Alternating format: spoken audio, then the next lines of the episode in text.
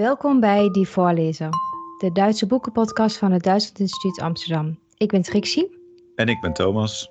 En elke aflevering bespreken wij een Duitse klassieker. Dat klopt. En jij zegt Duitse klassieker, dan ga ik je hem gelijk even corrigeren.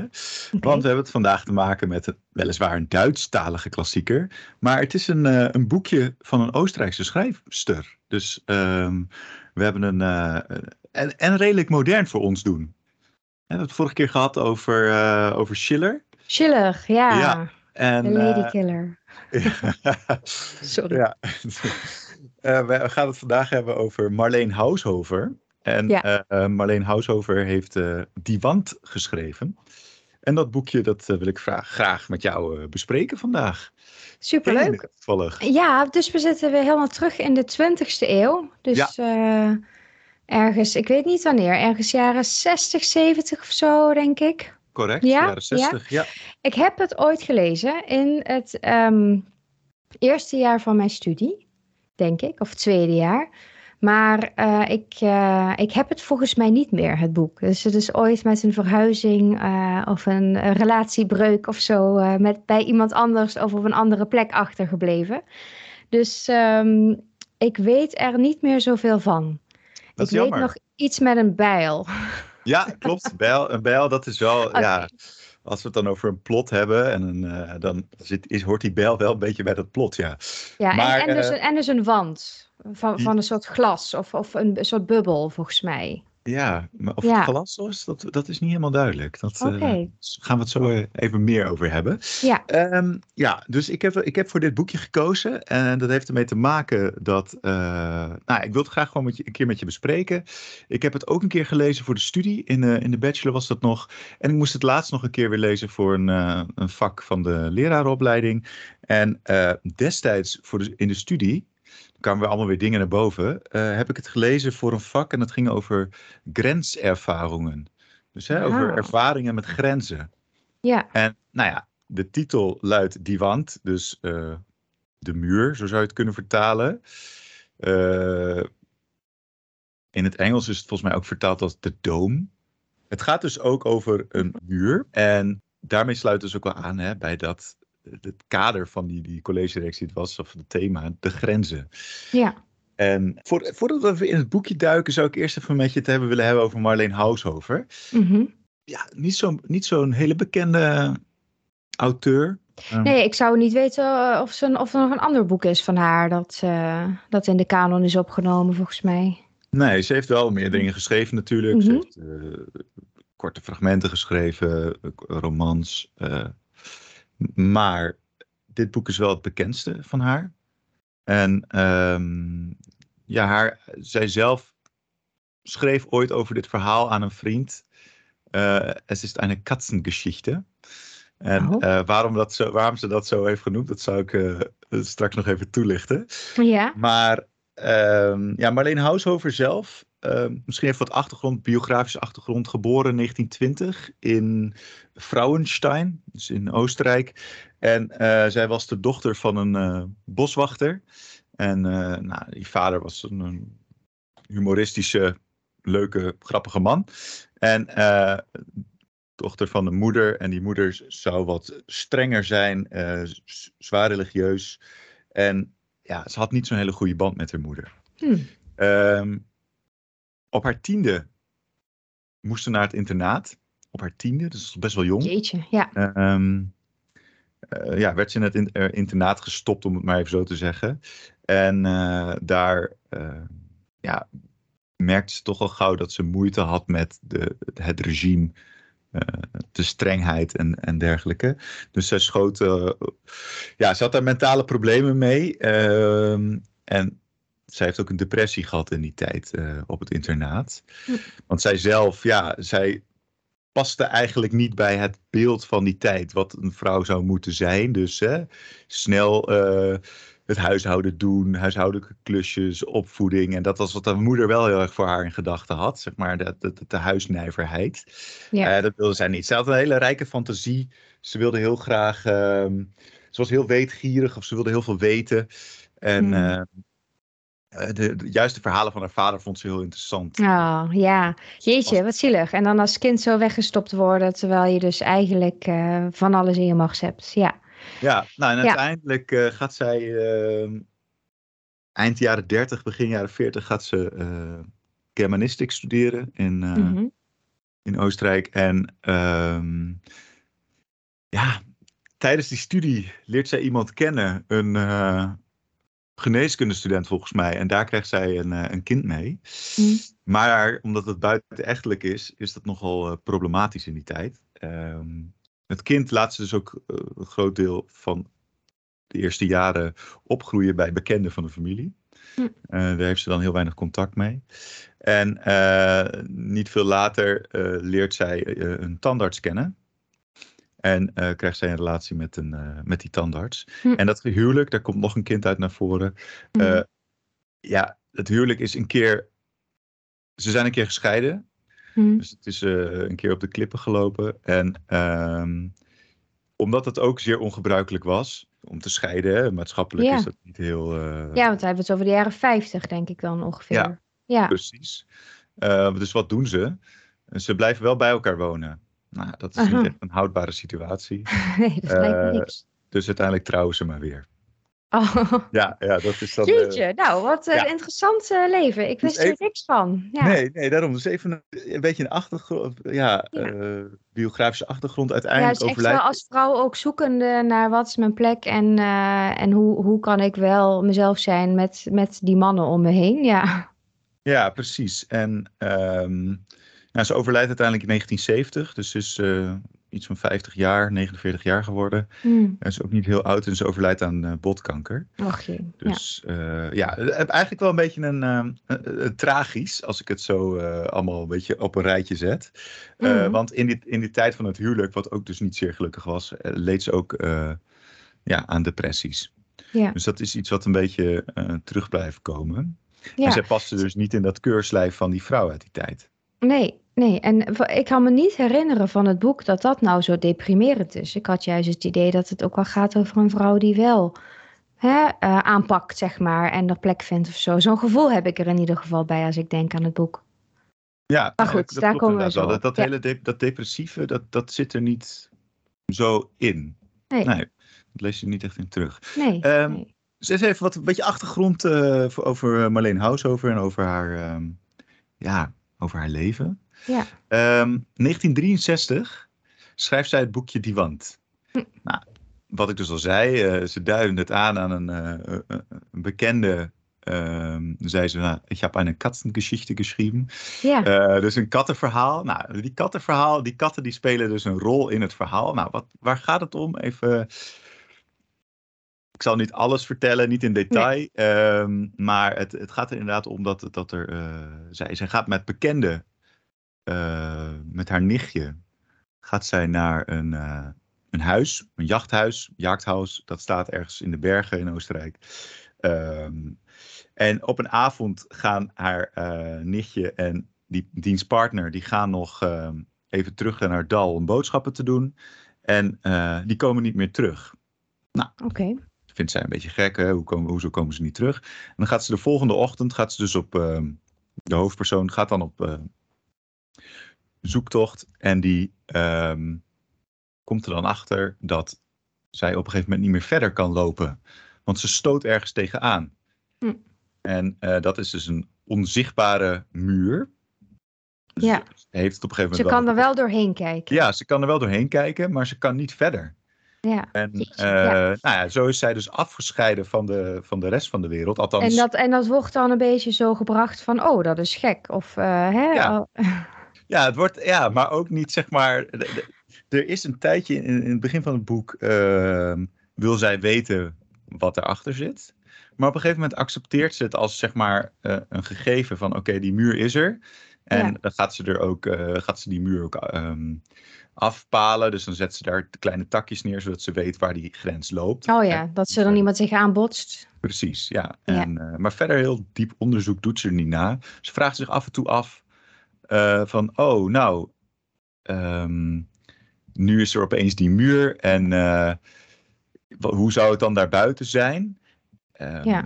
zou Maar ze dit- gaat nou niet met stenen gooien om die muur eh, te doorbreken of zo? Nee, nee, nee, die moeite doet ze niet. En ehm, ze denkt af en toe wel van, nou, als dit nou een, een, een mechanisme is om ervoor te zorgen dat alle mensen uitgeroeid zijn en dat er nog een vredige dierenwereld leeft, dan vindt ze dat ook de meest humane manier om dan te gaan. Hè? Want ja. als we, de, ik zeg net, het is, eh, komt uit de jaren zestig, is natuurlijk ook wel een beetje de tijd van de eh, Koude Oorlog. Mhm, Nu, nucleaire spanningen die oplopen. mhm. Dus dan past dit er wel een beetje bij in het beeld. Maar ehm, nou, zij begint op een gegeven moment dus eh, met het schrijven van een dagboek. En daar begint het verhaal ook mee. En ik heb daar even een. of, nou, ja, wil ik even kort voorlezen wat zij dan schrijft. Ja. Eh, ich schreibe nicht aus Freude am Schreiben. Es hat sich ebenso für mich ergeben, dass ich schreiben muss. Wenn ich nicht den Verstand verlieren will. Es ist ja keiner da, der für mich denken oder sorgen könnte. Ich bin ganz allein und ich muss versuchen, die langen, dunklen Wintermonate zu überstehen. Dit is dus ook voor haar de, de reden om dus dat dagboek te gaan schrijven. En dat lezen wij eigenlijk. Nou, dagboek, ik noem het dagboek, Mhm. maar het is, heel, het is geschreven als een soort van dagboek. Heel erg uit de ik-persoon, dus uit haar ervaring, wat zij meemaakt. En wat zij meemaakt is dus eigenlijk het leven daar in, ja, onder de, ja, onder de Ja, koepel van In die, bubbel, ja. Ja, bubbel. ehm, ja. en wat, wat, wat blijft er dus over? Zij ziet, ehm, of zij, heeft daar, zij leeft daar dan met een hond. De hond, Lux heet die hond. Eh, die is er nog. Ehm, Mhm. er zijn nog een aantal katten, dus vandaar die katsengeschichte. Aha. Die blijven over. Er is nog een koe. En uiteindelijk krijgt die koe, Bella heet die koe, die krijgt ook een stier. Oh, ja. En die stier, eh, die noemt, eh, of een kalf, hè, en die, dat, dat is dan een stier. En die noemt ze dan ook gewoon stier. Daar heeft ze dan geen naam voor. Nou, Oh, en zo, ja, eigenlijk, Maar hoe heet eh, die hond ook alweer? Lux. Lux, ja. En weet je daarvan ook of het een, eh, een eh, mannetje of een vrouwtje is? Eh, nee, dat heb ik niet zo uit het boek kunnen halen. Of dat nou een Ja. mannetje. Er wordt er wel de hele tijd over er, eh, Oh, over ja. hij gesproken. Ja. Maar dat kan natuurlijk ook omdat het der hond is. Dus dat, eh, ja, ja, inderdaad. Ja. ehm, dus dat weten we niet precies. Maar wat eigenlijk, ja, het verhaal. Eh, het speelt zich af over ongeveer pakweg twee jaar. En Mhm. in die twee jaar eh, ehm, lezen we over haar ervaringen die zij doet met ehm, ja, eigenlijk dat leven daar op die alm, dus op die Alpenweide of, of, of in dat jachthuis. Het wisselt, ze wisselt af en toe van Oh ja. locatie. Ja. Maar het is een soort, het heeft een hele ehm, idyllische manier van schrijven, ook heel idyllisch in de zin van de dingen die ze daar ziet. Het is een beetje die, die rustige Alpenwereld met de dieren, met de natuur, die, die, die natuurverbondenheid die er heel, in zit, Ja. heel erg in zit. Maar tegelijkertijd ook weer die, dat overkoepelende, of dat wat op de achtergrond misschien wel speelt, dat post-apocalyptische van het leven na deze eh, gigantische verandering. Ja. Ja, dus zij is eigenlijk heel erg één met de natuur. Ze heeft allemaal eh, dierenvrienden om zich heen verzameld. En ze redt zich dus, hè? dus. Dus ze wordt er waarschijnlijk ook wel steeds beter in. In het, in het omgaan met de natuur en eh groentetuintje en eh, dat soort dingen. Maar daar aan die andere kant van de grens is dus maar de vraag hoe het nog met de mensen gaat. Zie ik dat zo goed? Ja, dat is nog maar de vraag. Zij ziet een paar voorbeelden dan. want ze kijkt af en toe, ze gaat dan wel ja, op, op zoektocht naar ja, de, de, de randen van de grens.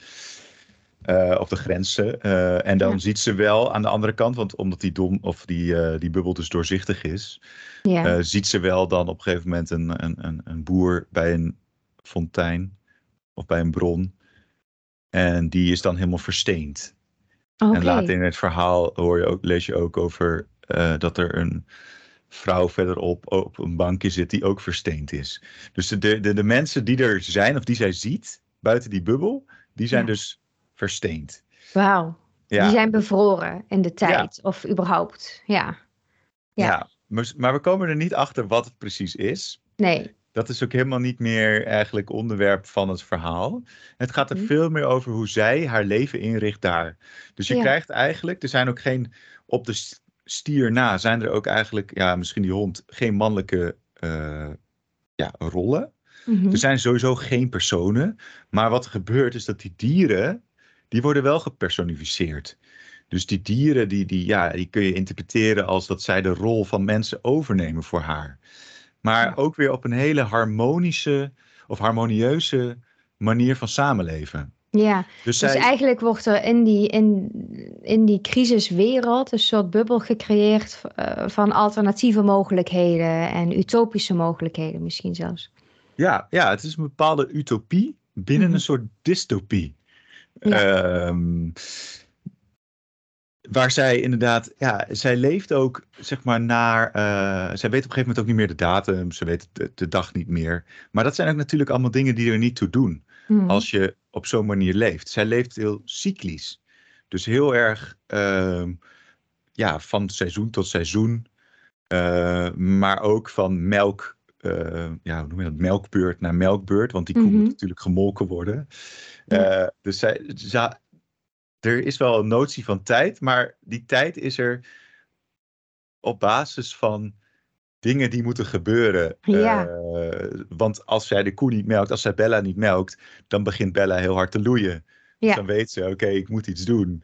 Ja, ja, ja. Ehm, Ja, dus de- natuur heeft daar voorrang en niet het door mensen ooit geconstrueerde idee van een klok en een kalender en een agenda en al die dingen. Ja. Nee, precies. En zij loopt ook wel tegen, tegen haar fysieke grenzen op. Hè? Mhm. Als je het dan over grenservaringen hebt, hè, die wand, ehm, dan loopt zij ook wel tegen haar fysieke grenzen op. En dat is met name ehm, als zij dingen wil bouwen, als ze dingen wil maken. Zij is toch wel, s- nou, nou, zij heeft een bepaalde kracht. dus, eh, Mhm. die, eh, soms is zij niet sterk genoeg om bepaalde constructies te maken. Daar Ja. loopt ze dan ook wel tegenaan. Of ze is dan heel erg moe na het onkruidwieden of dat soort dingen. Dat, dat, die, tegen die grenzen loopt ze ook wel aan. Maar ja, goed. ehm, ze leert daar ook wel mee leven. Ze leert daar ook wel mee omgaan. Ja. ja, ze wordt echt teruggeworpen op zichzelf en eh, wordt ook wel sterker dan eh, daardoor. Ja. Ja. Ja, dus het is een beetje. Ja, je kan het misschien als een soort survival roman zien. Ja. Survival verhaal. Het wordt ook wel eens eh, vergeleken met Robinson Crusoe. Oh ja. Maar dan de vrouwelijke variant en de meer. ehm, ja. Robinson Crusoe ging er op een gegeven moment redelijk vijandig in. Ja, ja, ja, En, ja. en, en, en ja, hij had een, bepaalde, een bepaald idee van: oké, dat wat die eh kannibalen doen, dat is barbaars. Mhm. Maar zij, heeft, zij accepteert gewoon de, de, de, de status zoals het Ja, is. En precies. zij gaat er- Zij gaat het niet domineren. Zij neemt Nee. niet de rol van heerser, Nee. maar in samenwerking met die dieren en de natuur. Ja. Precies, dat is ja, Grappig. inderdaad wat er gebeurt, die samenwerking. Nou ja. Ja. En dan is er dus één, en jij, noemt hem, jij noemde hem al aan het begin. Ja. Dan is er dus één moment waarop die hele harmonie eigenlijk eh, in één keer abrupt Oh ja. vers- verstoord wordt. En ja, Ja, gaat heb ik dus onthouden, want dat vond ik eng blijkbaar. Ja, precies. En dat is ook wel een bijzonder moment, maar tegelijkertijd ook wel weer kenmerkend voor wat er daarna gebeurt. Mhm. Ehm, even voor de luisteraars, ik ga dus nu vertellen wat er dan gebeurt. En als je nog wil lezen, dan moet je het nu even uitzetten. Eh, nou, wat gebeurt er? Zij komt op een dag terug van een wandeling en eh, haar hond, Lux, begint heel hard te blaffen. En wat, wat is er nou aan de hand? Er staat een man voor haar huis, voor het jaakthuis. En die heeft met een bel die daar lag, heeft, ze, heeft hij de, ja, de kop van stier eigenlijk eh doorklijfd. Dus ehm, Oh, oh, ja. ja, die kop is gewoon eh, kapot gehakt, om het zo te zeggen. En die stier ligt daar dood te, bloe- te bloeden. Oh. Dus eh Lux die vliegt die man aan die daar staat. En ehm, vervolgens wordt Lux dus ook doodgeslagen door die man. En zij denkt geen moment na, dus de hoofdpersoon denkt Mhm. geen moment na. Wat doet ze? Ze pakt Mhm. haar jachtgeweer die ze om heeft. En ze schiet die man in één keer dood. Oh. Verder ervaren we niks. Er is geen gesprek, er is helemaal niks vindt plaats. En in het verhaal lezen we wel terug over dat zij heel veel moeite heeft met het doodmaken van dieren. Maar Ja. ja, want zij jaagt ook voor eh, natuurlijk om te overleven. Zij Ja. moet af en toe een ree doodschieten om daar eten uit te halen. Maar dit moment, Ja. het doodschieten van die man, Ja. Doet helemaal niks met haar. Nee, want hij was dan de agressor of zo. Dat De is dan agressor. blijkbaar haar overtuiging. Ja. Ja, ja, precies. En dan komt er nog een moment achterna, achteraan. En dat is eigenlijk, of, of dat lezen we eigenlijk een beetje in het verhaal. In het verhaal wordt voor, eh, voorborduurd, of wordt eigenlijk zo'n soort voorwerk gedaan naar dit hoogtepunt toe. Dus je leest Mm. af en toe al wel van die aanduidingen van, oh, de hond is dood en die ligt daar begraven, maar hoe zit dat dan? En dan ervaar je dus pas later hoe die dood is gegaan. Ah, Dat ja, is dus ik op deze het. manier. Ja. Maar als je dan kijkt naar hoe die meneer, of hoe, hoe, ehm, de, hoe zij omgaat met het overlijden van die persoon Ja. en van de dieren, dan zie je daar ook wel weer wat in terug. En dat is namelijk dat die hond, Lux, die krijgt een heel mooi graf. Die wordt Mhm. echt begraven. En die man, die drukt zij gewoon van een, een, een rotshelling af.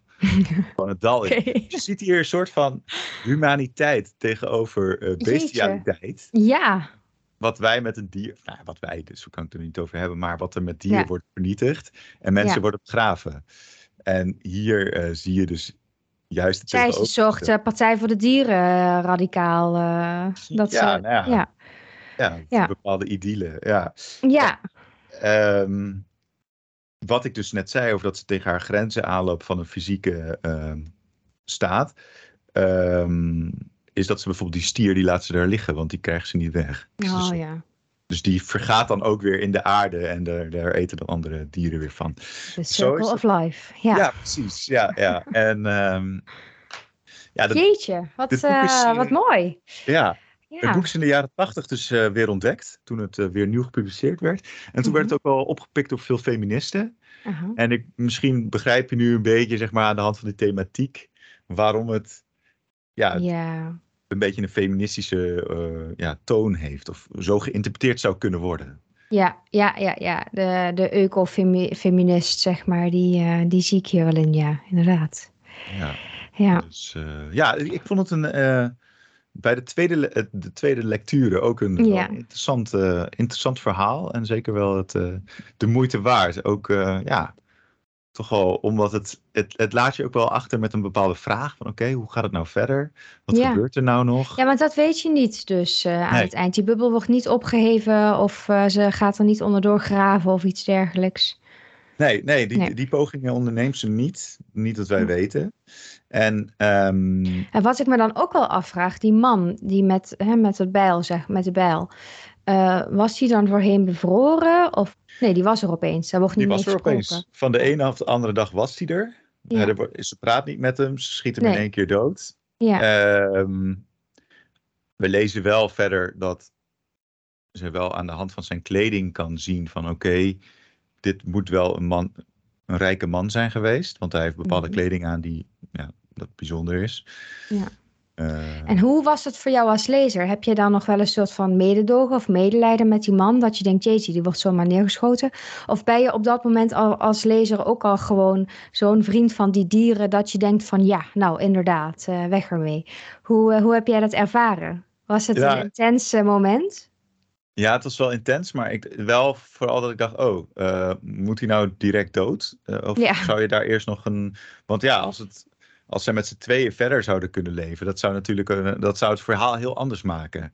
Ja, ja want Dus- die poging wordt niet gedaan om die Nee. man te begrijpen. Misschien werd hij wel aangevallen door die stier of hè, heeft hij zich alleen maar verdedigd. eh, ja. Ja, precies. Dus dat, dat, daar is helemaal geen sprake van. Dus Nee. we zullen dat nooit weten. Mm. Maar ja, je kan er natuurlijk wel ehm, ja, dat, dat vermoeden. En dat is natuurlijk ook het leuke van boeken en literatuur.